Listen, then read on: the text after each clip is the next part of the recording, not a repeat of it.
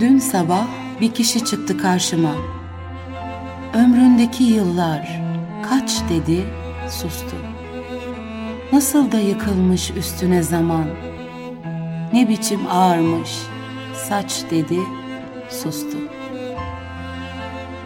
Siz kimsiniz dedim, necisin, nesin? Halinden besbelli, endişedesin.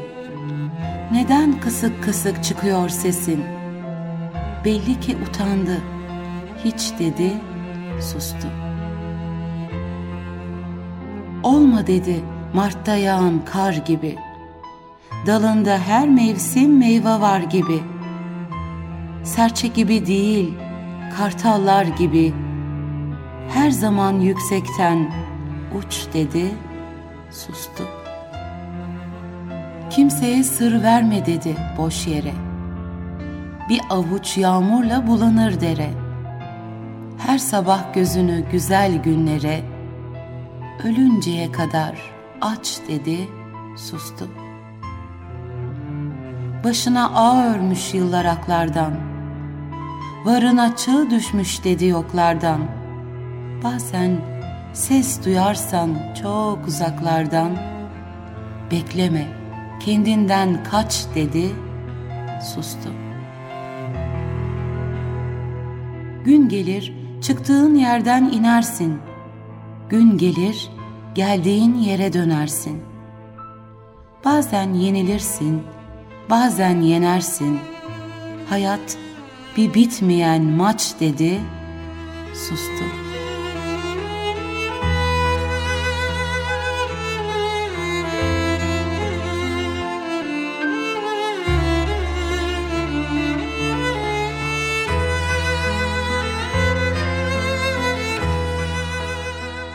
Değerli dinleyicilerimiz, yılların geçişine aldırmıyorum diyeni görürseniz inanmayın. Ne kadar oralı olmasa da yaşlanma duygusunun bir yerlerden başını çıkarıvermesi ağzının tadını bozar insanın. İçinde zamanın durmayan akışına karşı bir çaresizlik, dahası bir hınç belirecektir günden güne. Yıllara yenildiğini fark etmeye başlayacaktır.'' Evet ben artık yaşlanıyorum diyenlerden hiç korkmayın. En rahat yaşlılık onlarınkidir. Kendilerini yavaş yavaş hazırlar, işlerini güçlerini ona göre düzenlerler. Yaşlılıktan mutluluk çıkarmasını da bilirler. Asıl yaşlandığını bir türlü kabullenmeyenlerden korkulur. İnsan kendini hangi yaşta hissederse öyledir sözü bu sınıfa girenler tarafından uydurulmuştur. Hiç 25 yaşla 70 yaşın beden diriliği, kafa gücü bir olur mu? 80 yaşındayken kendini 20'sinde hissedebilir mi insan? Ama gelin de kabullendirin bunu, benim ruhum genç diyen birine. Yaşlılığı 62 yaşında yazan Simon, kitabında henüz tam yaşlılık sınırına girmediğini söyleyecektir Ömüş'le. Montaigne ise dürüst davranır bu konuda. Lafı hiç eğip bükmez. Ben kendi hesabıma 30 yaşımdan sonra beden ve kafa gücümün artmaktan çok azaldığından, ilerlemekten çok gerilediğinden eminim der. Yaşlılığı bir kavram olarak kabullenmeyen yoktur. Fakat gençliğin ve orta yaşlılığın nerede bittiği, hangi yaştan sonra yaşlılar sınıfına girileceği üzerinde bir türlü anlaşma sağlanamamıştır. Bu da yaşlılığın korkulacak bir şey. Simon'un deyişiyle bir tabu gibi görülmesindendir. Söylemeye dili varmasa da herkes bir meyvenin çekirdeğini taşıması gibi kendi içinde taşıdığı ölümün bir yerde yolunun üstüne çıkıvereceğini düşünür. Bu yüzden ölümün habercisi gibi gelen yaşlılığa yüz vermez. Hatta yaşlı birini görmeye bile tahammül edemez. 1968'de Fransa'da bir resimli roman ressamı kişileri arasına bir büyük anne büyük baba çifti koyduğu için bütün çizdiklerini yenilemek zorunda kalır. Ona birileri yaşlıları çıkar emrini vermiştir. Batı dünyasında yaşlılık hakikaten bir tabudur. Hiç deşilmemesi gereken bir konu. Yaşlılık kitabının yazarı Bivor, bütün tarihsel toplumlarda yaşlılığın serüvenini inceler. Sonuçta hayatın son 15 ya da 20 yılında bir insana artık hiç gözüyle bakılması bizim uygarlığımızın başarısızlığı değil de nedir hükmüne varır. Yazarın incelediği toplumlar içinde Müslüman ülkelerin, hususuyla Türk toplumunun olmasını ne kadar isterdim. Değerli dinleyicilerimiz, başka bir alem ve ebedi bir hayat düşlemeyen biri için ömrün neredeyse yarısı sıkıntılı zamanlar olmaktan öte geçmez. İnsan yaşamını bir güne benzetecek olursak, yaşlılık en sıkıcı zamanıdır der Cisar Pives. Vedat Günyol bir yazısında ölüm için şöyle der. Ben bugün 85'ime bastım. Hala neyim, ne değilim bilmiyorum. Ama ben ne olacağımı biliyorum. Kara toprak. Yeni bir yılın ilk yaptığı ömrümüzün numaratöründen bir sayı daha arttırmaktır. Bir yıl daha. Yapılacak o kadar çok iş var ki, okunacak, yazılacak, götürülecek. Kalan yıllara nasıl sığdırmalı bunları?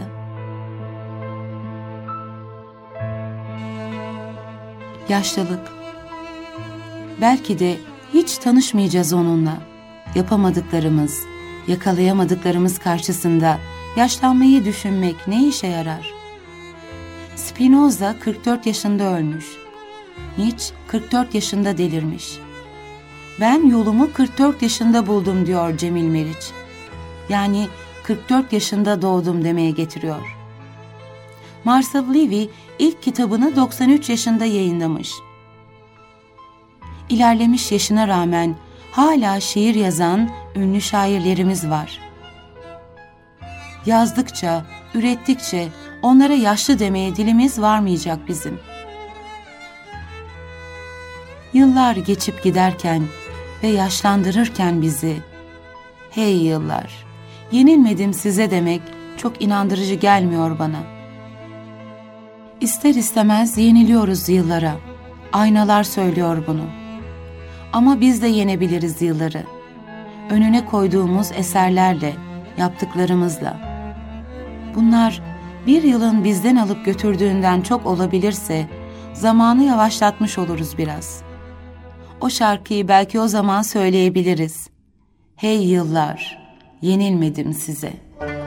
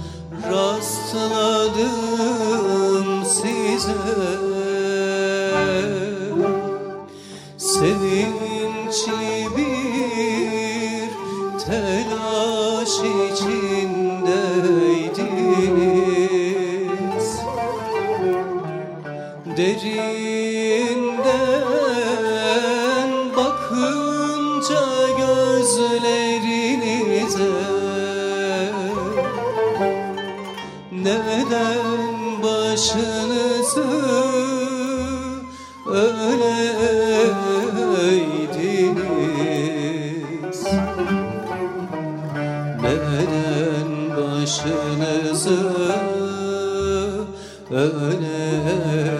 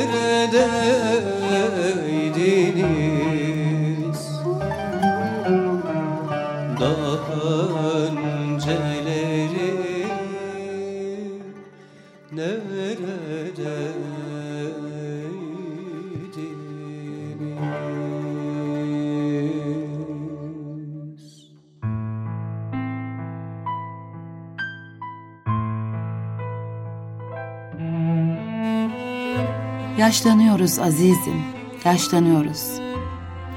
Takvimler yılın son günlerini göstermeye durduğunda artık 20'li yaşları geride bırakmışsak, aklımızın olurunu beklemeden dudaklarımızdan dökülüverir bu cümleler.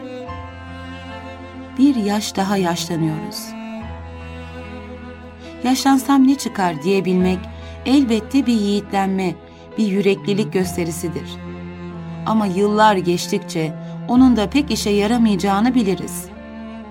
Hele ömür senelerimizi gençlik, orta yaşlılık, yaşlılık diye bölümlemiş, onlara ayrı ayrı anlamlar yüklemiş ve aklımızca yeryüzü serüvenimizi pay etmişsek bu dönemlere.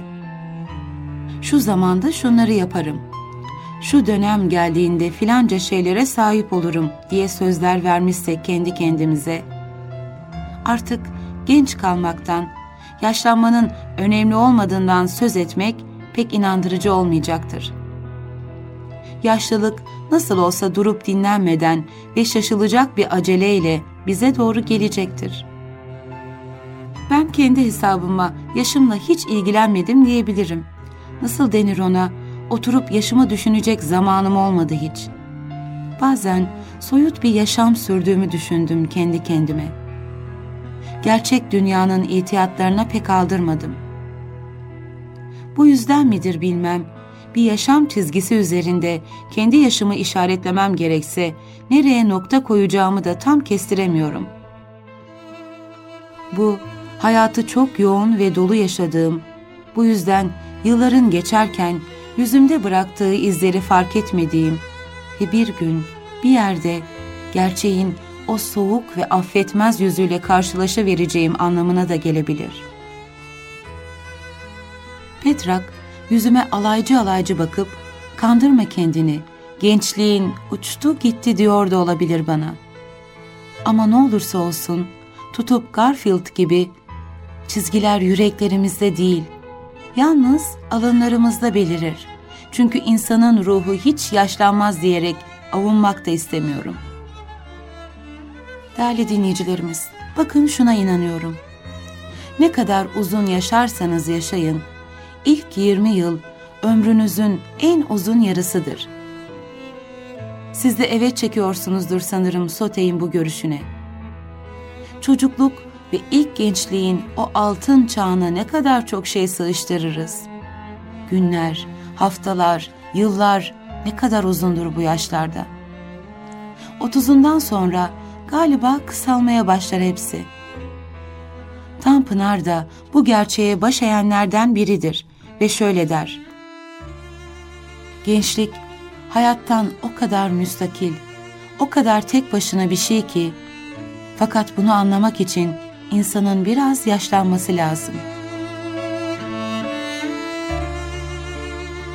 Gençliğin bir taze ve renkli çağ, yaşlılığın da Eflatun'un dediği gibi biraz yalnızlık olduğunu inkar edecek değilim.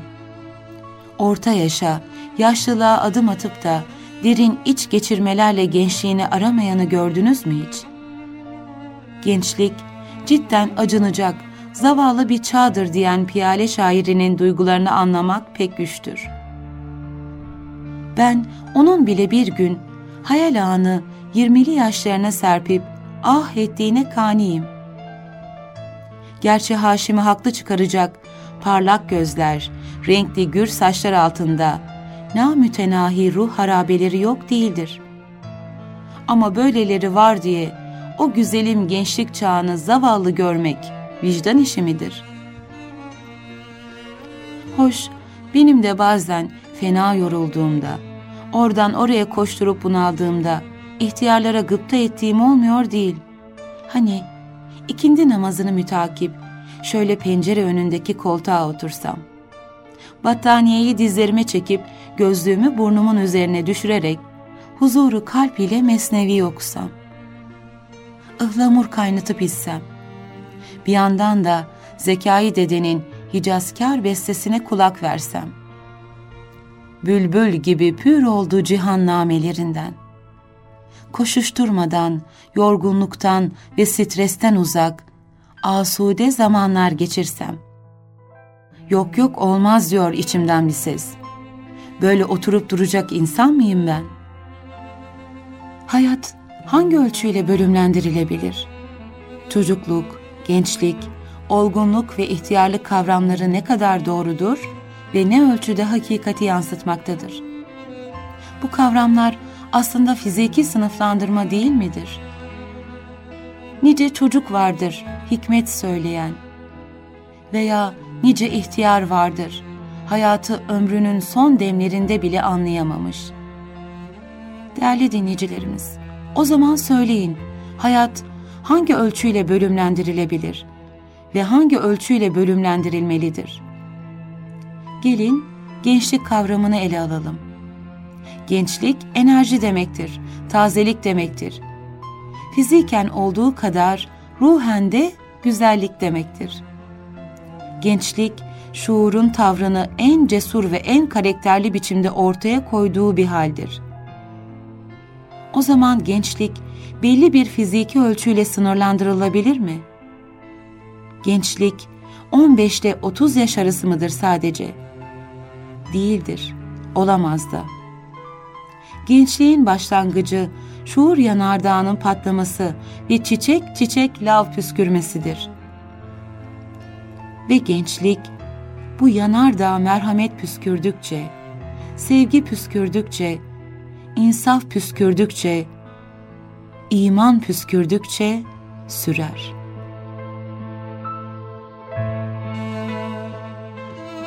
Hayata gözlerini ağlayarak açan ama çektiği sıkıntıyı bir anda unutup dünyaya sevgi gülücükleri saçan bebekler aslında nasıl genç olunacağının ölçüsüdür. Hayat genç olmakla başlar ve maalesef gençliği kaybetmekle biter. Sultan Mehmet İstanbul'u fethederken gençti. Kanuni Sultan Süleyman da Zigetvar'a genç gitti. Ne diyelim? İhtiyar olmak bedenin gücünden değil, hayatın anlamından emekli olmaktır. Takvimler devrildikçe, biyolojik yaşımızın numaratörünün döndüğü ve o döndükçe de bizim artık gençlik limanından uzaklaştığımız evrensel bir gerçektir. İnsanoğlunun anlaşılmaz bir saflıkla ölümü yaşlılığın sonuna ertelemesi, yılların geçişini ona doğru adım adım uğursuz bir yaklaşma gibi düşündürür ister istemez. Yaşlandıkça yaşamın kadrini bilme ve ona sımsıkı tutunma ihtiyacı da bundan olsa gerektir. Kimse yaşamayı yaşlı bir adam kadar sevmez der Sopokles. Yaşlanıyoruz azizim, yaşlanıyoruz. Ama yaşlanıyoruz demekle yaşlılığa ait oralara ertelediğin işleri düşünmeye kalkma sakın. Belki de hiç tanımayacaksın yaşlılığı.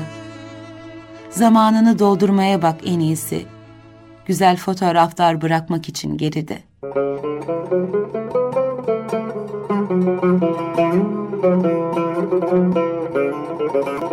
Müzik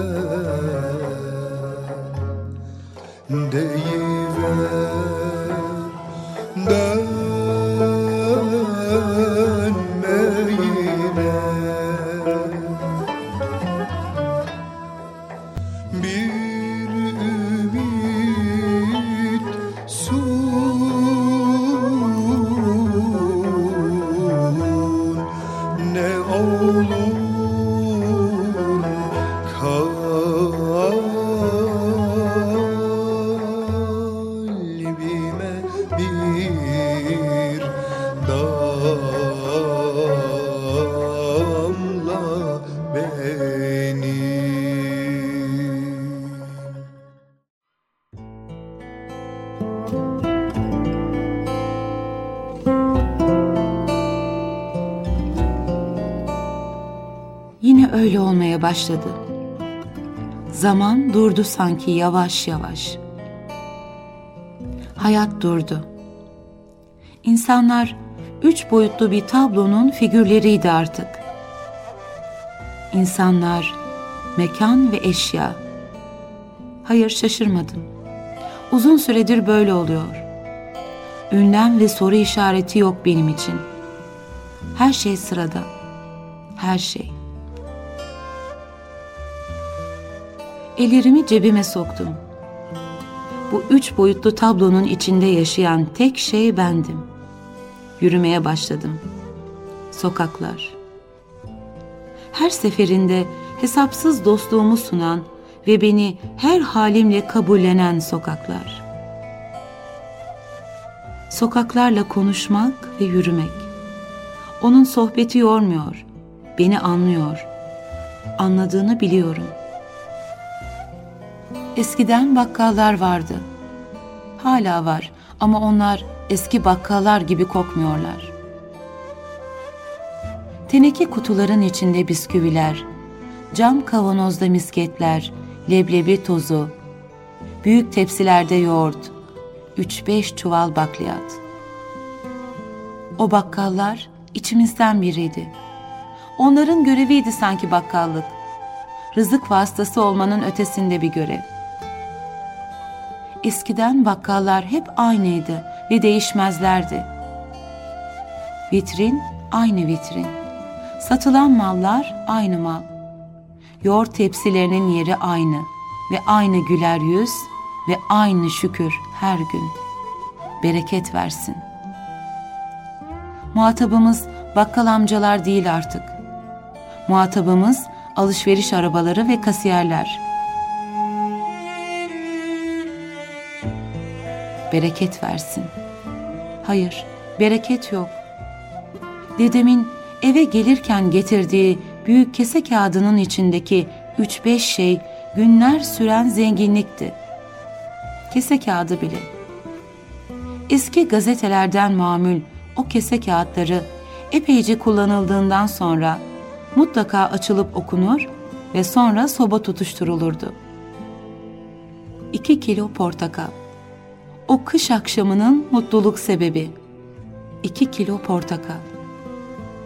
Annem birkaç portakal kabuğunu büyük keyifle sobanın üstüne koyardı. Mutlu olmak için bahaneler üretmiyor, mutlu olabiliyorduk. Stres gidermek için gross marketlere yaptığımız seyahatler nefes almamıza yetmiyor. Poşetler dolusu alışveriş hayatımıza iki kilo portakal kadar zenginlik katmıyor maalesef. Ellerim cebimde yürüyorum. İnsanlar geçiyorum. Vitrinler geçiyorum. Otobüs durakları ve kalabalıklar geçiyorum. Tablonun en ücra köşelerine kadar gidiyor, eski bir bakkal arıyorum. Hep böyle oluyor. Zaman duruyor sanki yavaş yavaş. Üç boyutlu bir tabloya dönüşüyor hayat.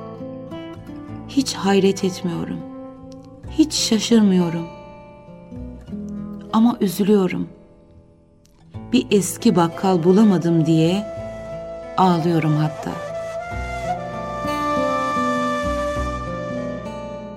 Yağmur yağıyor.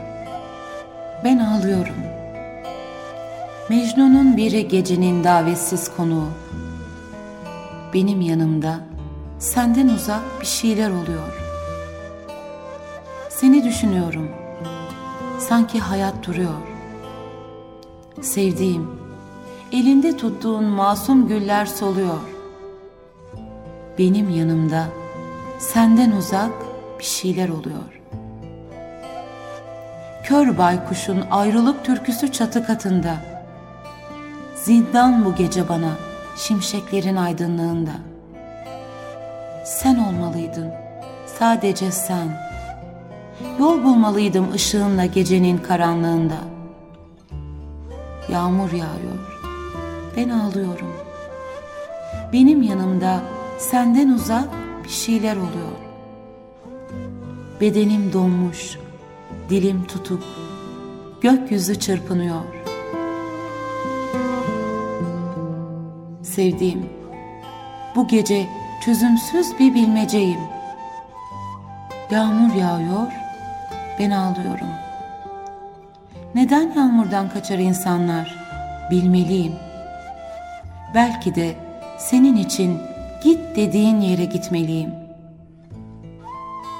İçimde karanlık var Sevdam dağılıyor. Sevdiğim bu gece çözümsüz bir bilmeceyim. Söz, aydınlatacağım bu şehri senin için sokak sokak. Sen sevdiğim, sen ruhumun hüzün meleği. Boyun büküp düşecek sonbahara dalındaki son yaprak. Sevdalının biri yağmurda yürüyecek gölgesinden korkarak. Yağmur yağıyor, ben ağlıyorum. Benim yanımda senden uzak bir şeyler oluyor. Sevdiğim, dilin tutulur konuşmak isterken, sus, ben bilirim. Deniz ülkesinin yosun kokularından çağırsan, gelirim. Bir balıkçı sandalının arkasına salı verip ruhumu, bırakırım tarihin ellerine insanlık onurumu. Kimse bilmez türkünü, ben gece gündüz söylerim. Sevdiğim, çağır beni, bir martı gönder, koşar gelirim. Hasretteyim, yağmur yağıyor. Sen neredesin?''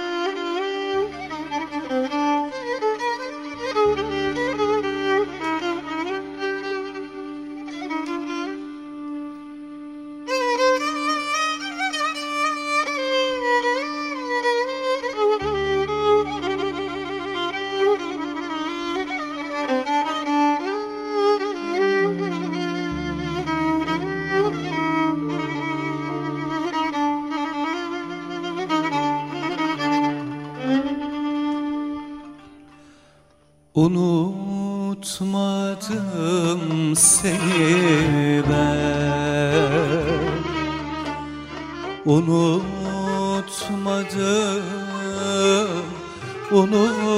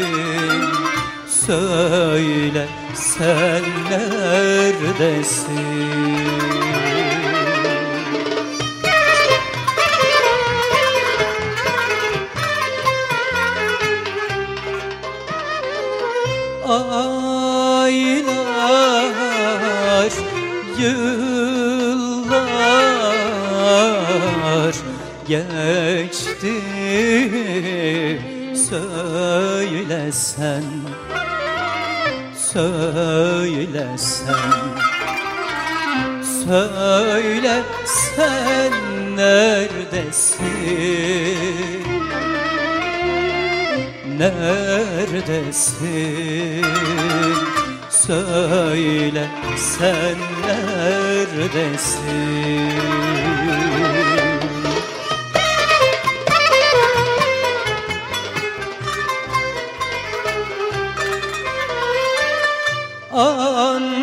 Schön.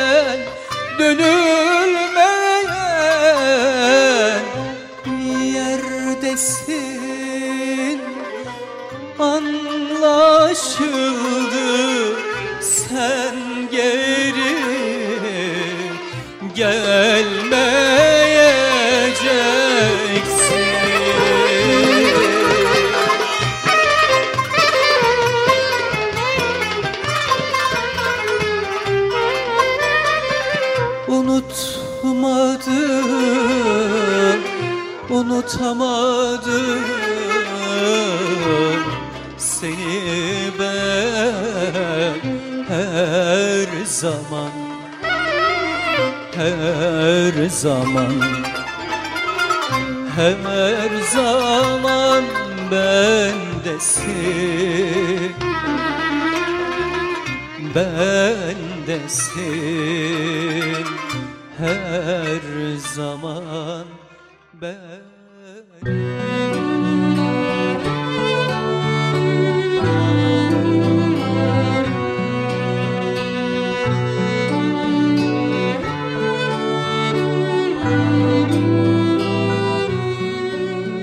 aynı aylarda ve yıllarda doğmuşsunuzdur.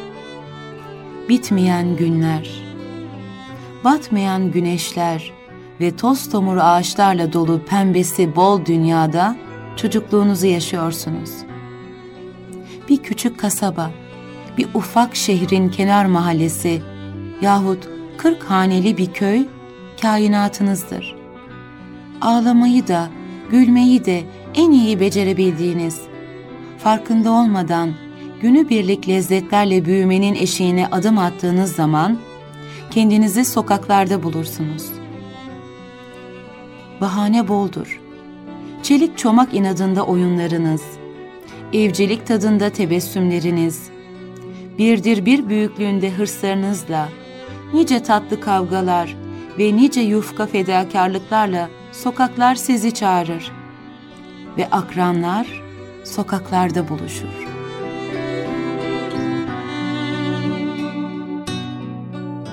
Derken gah sağlam, gah yarım papuçlarla, gah eksik ve yırtık kitaplarla sizi okumaya gönderirler.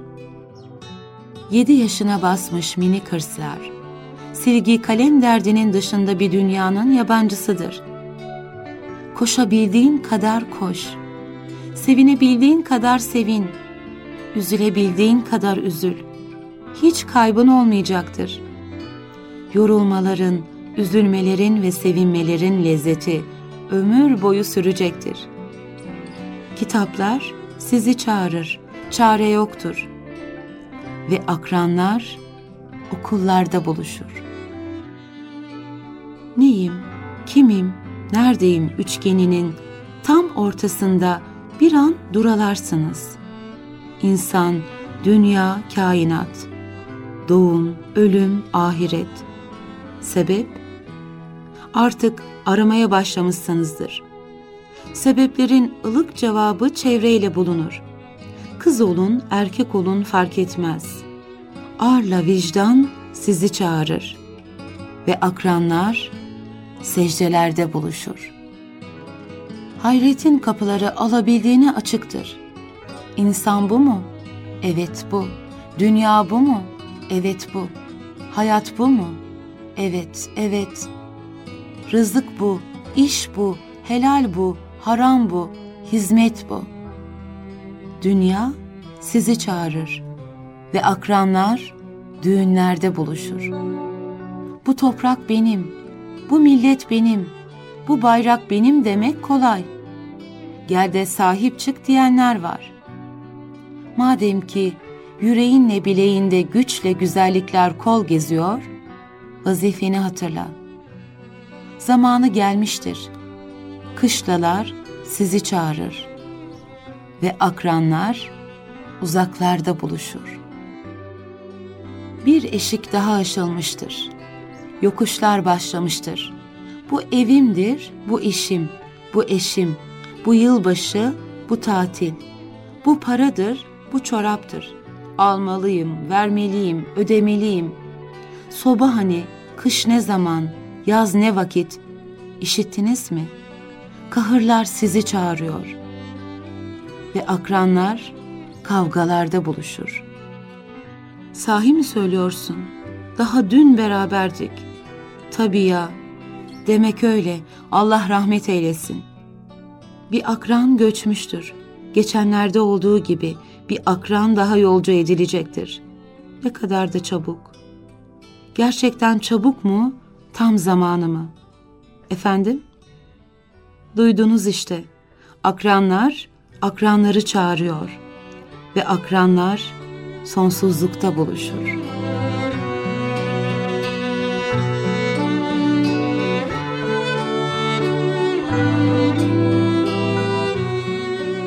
Hissediyorum yavaş yavaş ihtiyarlığı. Çatladı artık hayat rüyasının billuru. Kirpiklerimin ucunda ötelerin nuru. Bir başka aydınlık görüyorum yaşlılığı. Gençliğin tutkularından uzak, hep ötelerde. Tülleniyor gözlerimde sonsuzun serhaddi. Zaten bir zaman ruhumu saran hayalimdi. Şimdi gönlümde ağıran şeyler perde perde. Artık ne şafak arzusu ne akşam tasası. Yok düşüncemde hiçbirinin o eski yeri. Aynı şey bence dünyanın lezzeti, kederi. Meltemi, sabası ve tufanı, fırtınası. Ne eski köşkler, ne yeninin gökdelenleri, ne kırların lalesi, zamba, papatyası, ne yokluğun acısı, ne varlığın safası, ne de dünün dillere destan mamureleri. Artık hiçbiri bir şey anlatmıyor kendince. Felek devirdi hepsinin kasesini bir bir. Ve şimdi dalgalanıyor derunumda tek bir. Allah bir. İşte hayat bu bence.'' Geceler gündüzlerle iç içe ve aydınlık. Yıllarca kaderden beklediğim buymuş meğer. Uğrunda bin ömür feda edilmeye değer. Bir dünya ki yok hiçbir yöresinde karanlık. Elveda gece gazelhanlığına elveda. Ve yarasalar, yarasalarla kalsın artık ışık dalgaları içinde yüzerken varlık, karanlığa türkü söylemek bir kuru sevda.''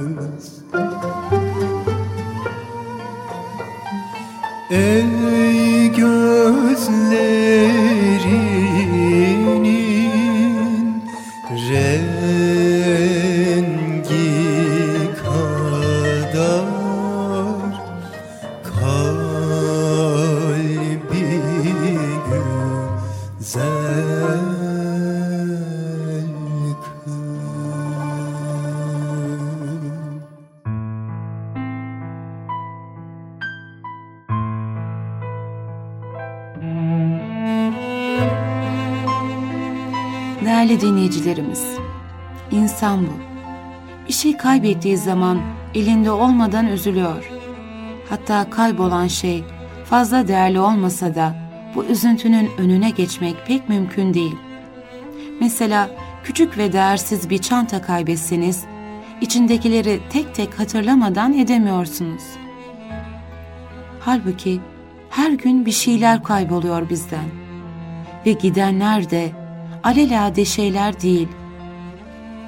Her akşam güneşin batışı ve mevsimlerin geçişiyle beraber bir ömür kayboluyor. Evet, belki farkında değiliz ama bir ömür kayboluyor. Onun içinde neler yok ki?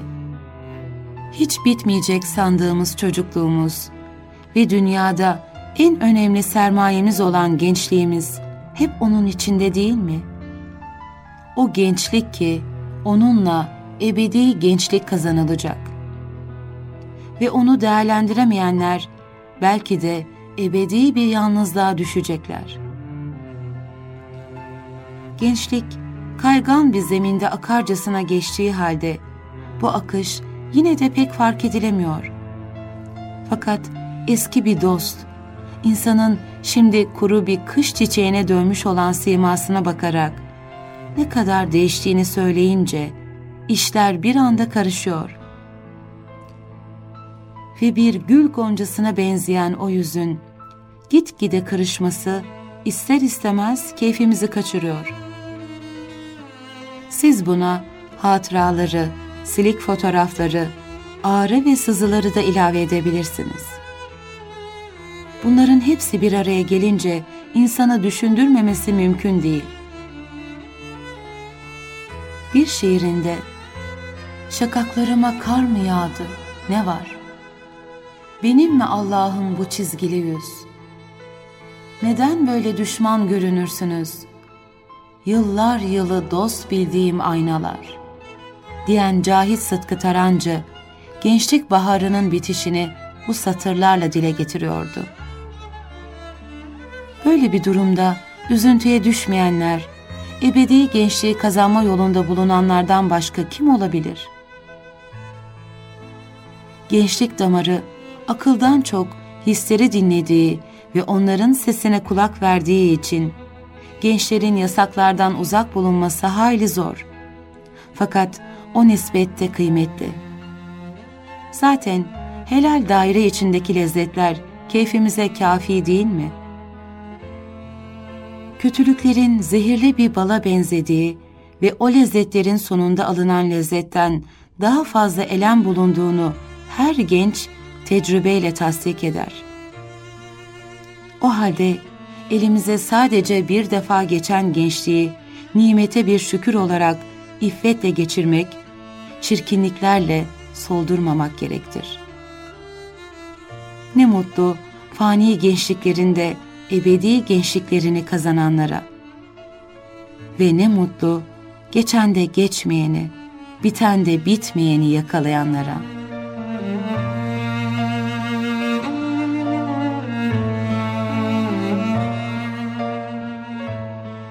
Değerli dinleyicilerimiz, bugün de bizlere ayrılan sürenin sonuna geldik. Dimağınızda bir tat, ruhunuzda bir iz bırakabildiysek, ufkunuzda küçük ama küçücük bir pencere açabildiysek ne mutlu bizlere. Haftaya aynı saatte buluşmak dileğiyle alasmarladık.